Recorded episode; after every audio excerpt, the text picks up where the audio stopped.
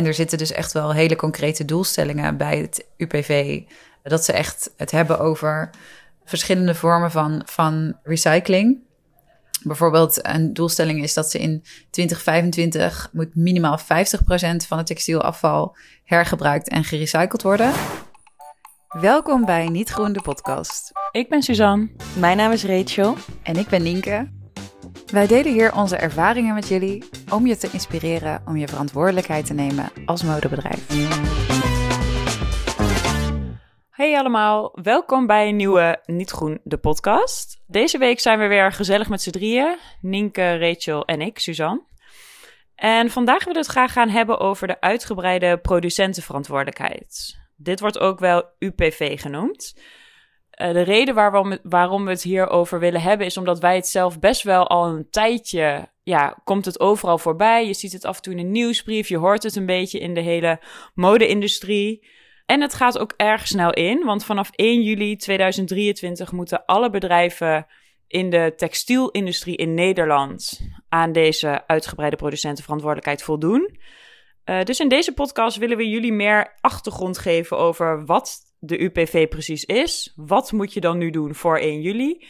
En hoe gaat dit in de toekomst eruit zien? We zijn hier samen ingedoken. Uh, dus eigenlijk is de eerste vraag: wat is precies de UPV? Ja, de UPV is, uh, nou ja, zoals je net al zei, de uitgebreide producentenverantwoordelijkheid. En wat dat eigenlijk wil zeggen is dat de verantwoordelijkheid voor textielafval wordt verschoven van nu ligt het bij de consumenten. Dus een consument gebruikt een kledingstuk, die gooit het vervolgens weg op de manier waarop zij denken dat dat de beste manier is. Dus bijvoorbeeld in een textiel uh, recycling uh, uh, container of nou ja, misschien gewoon bij het afval of wat, wat dan ook, zeg maar. Dat is nu de verantwoordelijkheid van de consument. Maar die verantwoordelijkheid die wordt weggehaald bij de consument en die wordt neergelegd bij de producenten. En dat kan dus zijn een merk die echt kleding produceert en op de markt brengt in Nederland. Maar het kan ook een producent zijn die in Nederland gevestigd is en die levert aan uh, bedrijven die in Nederland kleding verkopen. Dus dat is eigenlijk bedoeld om uh, aan te sluiten bij de doelstellingen van Europa om meer circulair te worden. Uh, en Nederland zelf, de Nederlandse overheid, heeft daar ook hele duidelijke doelstellingen op dat ze circulair willen worden tegen 20 50, geloof ik, uh, wil Nederland een volledig circulaire economie hebben. Dus daar sluit het bij aan om dan ook dat textielsysteem zo in te richten dat dat daar ook helemaal in kan voorzien. En daarom is die UPV er eigenlijk, omdat om die transitie naar een circulaire textielindustrie te financieren en daardoor ook mogelijk te maken. Dus daarin te investeren en in te innoveren, et cetera. Dus ja, dus dat, dat maakt eigenlijk alle merken en textielproducenten in Nederland verantwoordelijk voor het eindproduct. Ja, en wat ik ook wel een wat beeldende voorbeeld vind om meer uit te leggen wat die UPV dan precies betekent, of wat het dan inhoudt voor ons als consumenten, is dat je eigenlijk als consument je kleding dus weer terug kan brengen bij een, een bepaald punt. Dus net zoals dat we dat al jaren doen met batterijen en lampen, moet de textielindustrie dat nu ook. Alleen is nu zo dat bedrijven dat dus zelf moeten gaan inrichten of zich kunnen aansluiten bij um, Stichting UPV, die dat dan op gaat richten, zo'n systeem. Bij batterijen is dit bijvoorbeeld ook nog steeds de verantwoordelijkheid van de consument. Waarom is het nu in de kledingindustrie de verantwoordelijkheid van de merken? Dat is een goede vraag. Bedrijven zijn dus zelf verantwoordelijk om, hun, om de consumenten daarvan bewust te maken. Maar wat die consument uiteindelijk echt gaat doen, ja, dat, ja, dat is, ligt niet echt bij de bedrijven per se. Ja, want jij kan niet zeggen van mijn consument moet, als die klaar is met mijn kleding, het weer bij mij terugbrengen. Want nee, dat kan je nee. uiteindelijk niet van de consument verwachten. Dus het gaat om de verantwoordelijkheid die jij neemt als merk om het zo goed mogelijk te faciliteren. Op wat voor manier kunnen, moeten merken dit doen per 1 juli? Ja, ik denk dat daarbij het goed is om even te beginnen met het, het, onderscheid tussen de twee verschillende opties een beetje uit te leggen. Wat, waar we nu net al kort een beetje indoken. En dat is inderdaad dat uh, er zijn eigenlijk twee opties die je kan doen als bedrijf. Je kan ervoor kiezen om dit proces zelf in te gaan richten. Dus zelf te zorgen dat de producten weer terugkomen bij jouw merk, zodat jij weet waar ze zijn en dat ze op de juiste manier gerecycled gaan worden. Dus dan is het echt, nou ja, 100% volledig de verantwoordelijkheid van je, van je bedrijf. En dan zit daar ook inderdaad die verantwoordelijkheid bij om dan je klanten zo te instrueren en te inspireren en motiveren en incentivizen en wat dan ook. Om dus de producten ook echt terug in te leveren. Uh, dus dat is eigenlijk optie 1. Uh, en optie 2 is dat je je aansluit bij Stichting UPV. En dat is eigenlijk een collectief die ervoor zorgt dat, dat de juiste take-back systemen, de juiste reverse logistics, de juiste recycling partners bij elkaar gekoppeld worden, zodat het op een goede manier wordt gedaan en zodat zij de doelstellingen van het UPV zelf, die we zo ook even zullen noemen, zodat zij die gaan halen met alle afvalstromen die bij elkaar komen van alle merken die zijn aangesloten. Dus je hebt of de optie om jezelf bij de overheid aan te melden en dan zelf het systeem uh, in te richten, of je hebt de optie om je aan te sluiten bij het collectief uh, en dat is Stichting UPV. Ja, daarop inhakend uh, is het wel verplicht dat ieder bedrijf zich tussen 1 juli en 11 augustus zich registreert bij uh, de overheid. Dus de conclusie is: of je schrijft je in bij de overheid, of je meldt je aan bij Stichting UPV. Hoe gaat dat dan in zijn werk als je je daar aanmeldt? Ja, dat is gewoon heel simpel. Je kan gewoon naar de website gaan, stichtingupvtextiel.nl. En dan kan je daar uh, precies zien wat je moet doen. Dus je moet je in eerste instantie registreren. Er staat gewoon een formulier op de website, dus dan registreer je je bedrijf.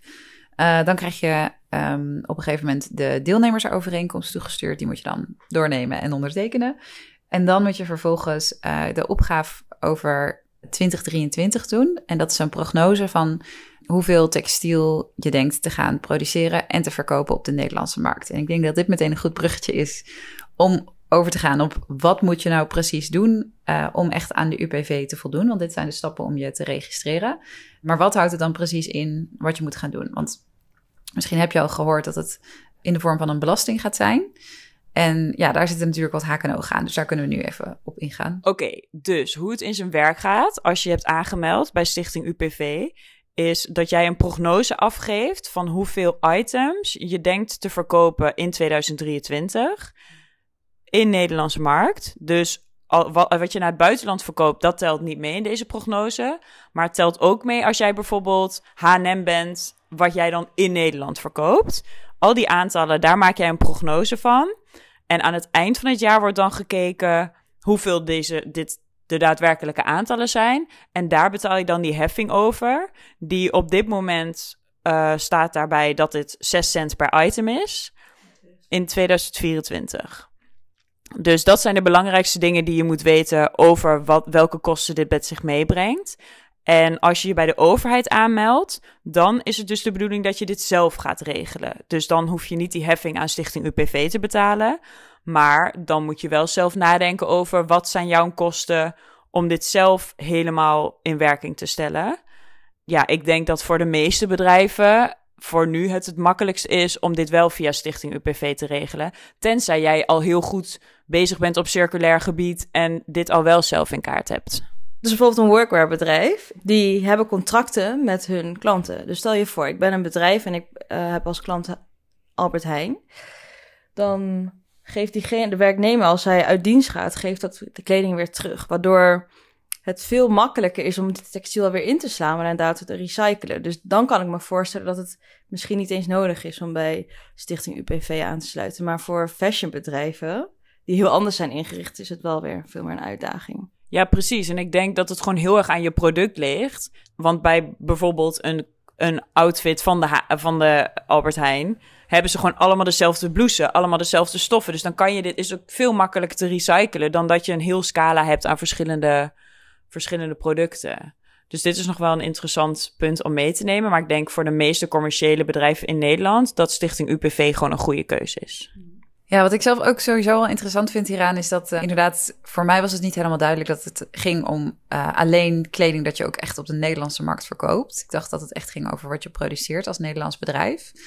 Maar wat dat betekent, is, is, is, dat het gaat om echt alle kleding die op de Nederlandse markt wordt, wordt verkocht. Dus inderdaad, wat je net ook even noemde, grote bedrijven zoals H&M of Shein of uh, nou ja, wat voor kledingmerken dan ook, die moeten hier ook aan voldoen. Dus als zij kleding op de Nederlandse markt verkopen, moeten zij ook zorgen dat er aan dezelfde regels voldaan wordt. Dus ik ben ook wel heel benieuwd of die bedrijven, die grote bedrijven, dan ervoor gaan kiezen om bijvoorbeeld zich aan te, melden bij Stichting UPV.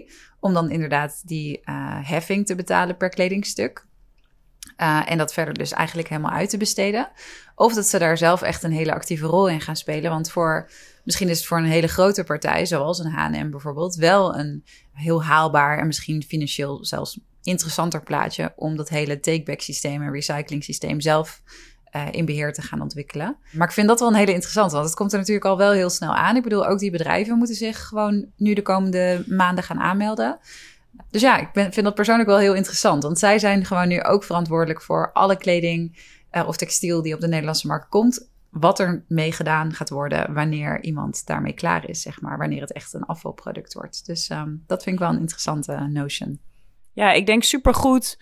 Ook voor de hele duurzame verduurzaming van de mode-industrie. Wat dit voor een impact heeft, inderdaad, op alle bedrijven die in Nederland verkopen. Dus ik ben ik denk dat we misschien over een half jaar wel weer een nieuwe aflevering kunnen maken met hey, hoe, hoe heeft het zich, heeft iedereen zich aangemeld? Wat zijn de consequenties als je dit niet hebt gedaan? En hoe, hoe gaat Stichting UPV uiteindelijk al deze items recyclen? Want volgens mij dat is wat ze met die heffing gaan doen, toch? Ja, zoals ik het begrijp, inderdaad, is het de bedoeling om. Uh, nou, Stichting UPV is dus een collectief waarin ze juiste, de juiste partners bij elkaar gaan zetten. Dus inzamelpartijen, textielverwerkingsbedrijven, eh, textielsorteringsbedrijven, recyclingbedrijven, dat soort dingen. Eh, en ook waarschijnlijk exporteurs van, van tweedehands textiel naar, naar externe markten, want dat is nog steeds ook, ook gaande, zeg maar. En daar dat systeem beter gaan maken. Uh, dat geldt ook hopelijk gaan gebruiken voor innoveren. Want er is nog een hoop innovatie nodig om verschillende vormen van textielrecycling op grote schaal haalbaar te maken. Volgens mij kan dit op dit moment al goed met katoen. Uh, of nou, met hoofd, dat het hoofdzakelijk katoen is. Dus volgens mij minimaal 95% katoen. Uh, en hetzelfde met polyester, dat gaat ook al best aardig. Maar bijvoorbeeld blends en zo en ingewikkelde kledingstukken met allemaal verschillende panelen, dat is nog dat is nu gewoon nog downcycling. En er zitten dus echt wel hele concrete doelstellingen bij het UPV. Uh, dat ze echt het hebben over verschillende vormen van, van recycling. Bijvoorbeeld een doelstelling is dat ze in 2025 uh, moet minimaal 50% van het textielafval hergebruikt en gerecycled worden. Waarvan minimaal 20% hergebruikt, minimaal 10% hergebruikt in Nederland en minimaal 25% van de, van de recycling moet fiber to fiber, of, oftewel vezel tot vezel recycling zijn. Uh, dus dat daar eigenlijk weer een nieuw materiaal van gemaakt kan worden.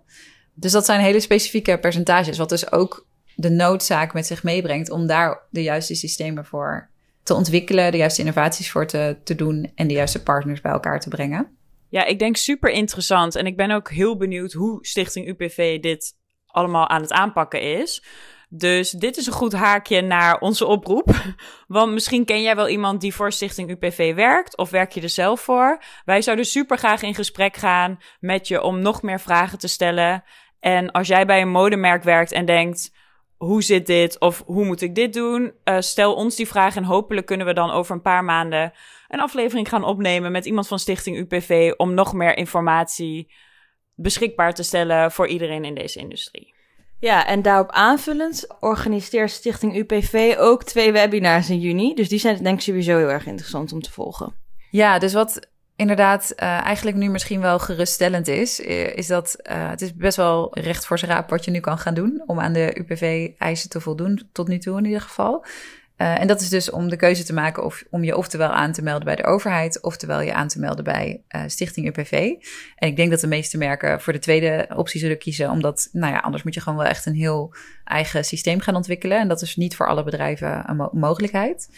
En als je je aanmeldt bij Stichting UPV, dan wijst het zich eigenlijk vanzelf. Dus dan krijg je gewoon de juiste informatie doorgestuurd. Een format om je het aantal stuks wat je op de Nederlandse markt produceert, of verkoopt moet ik zeggen, om dat op te geven.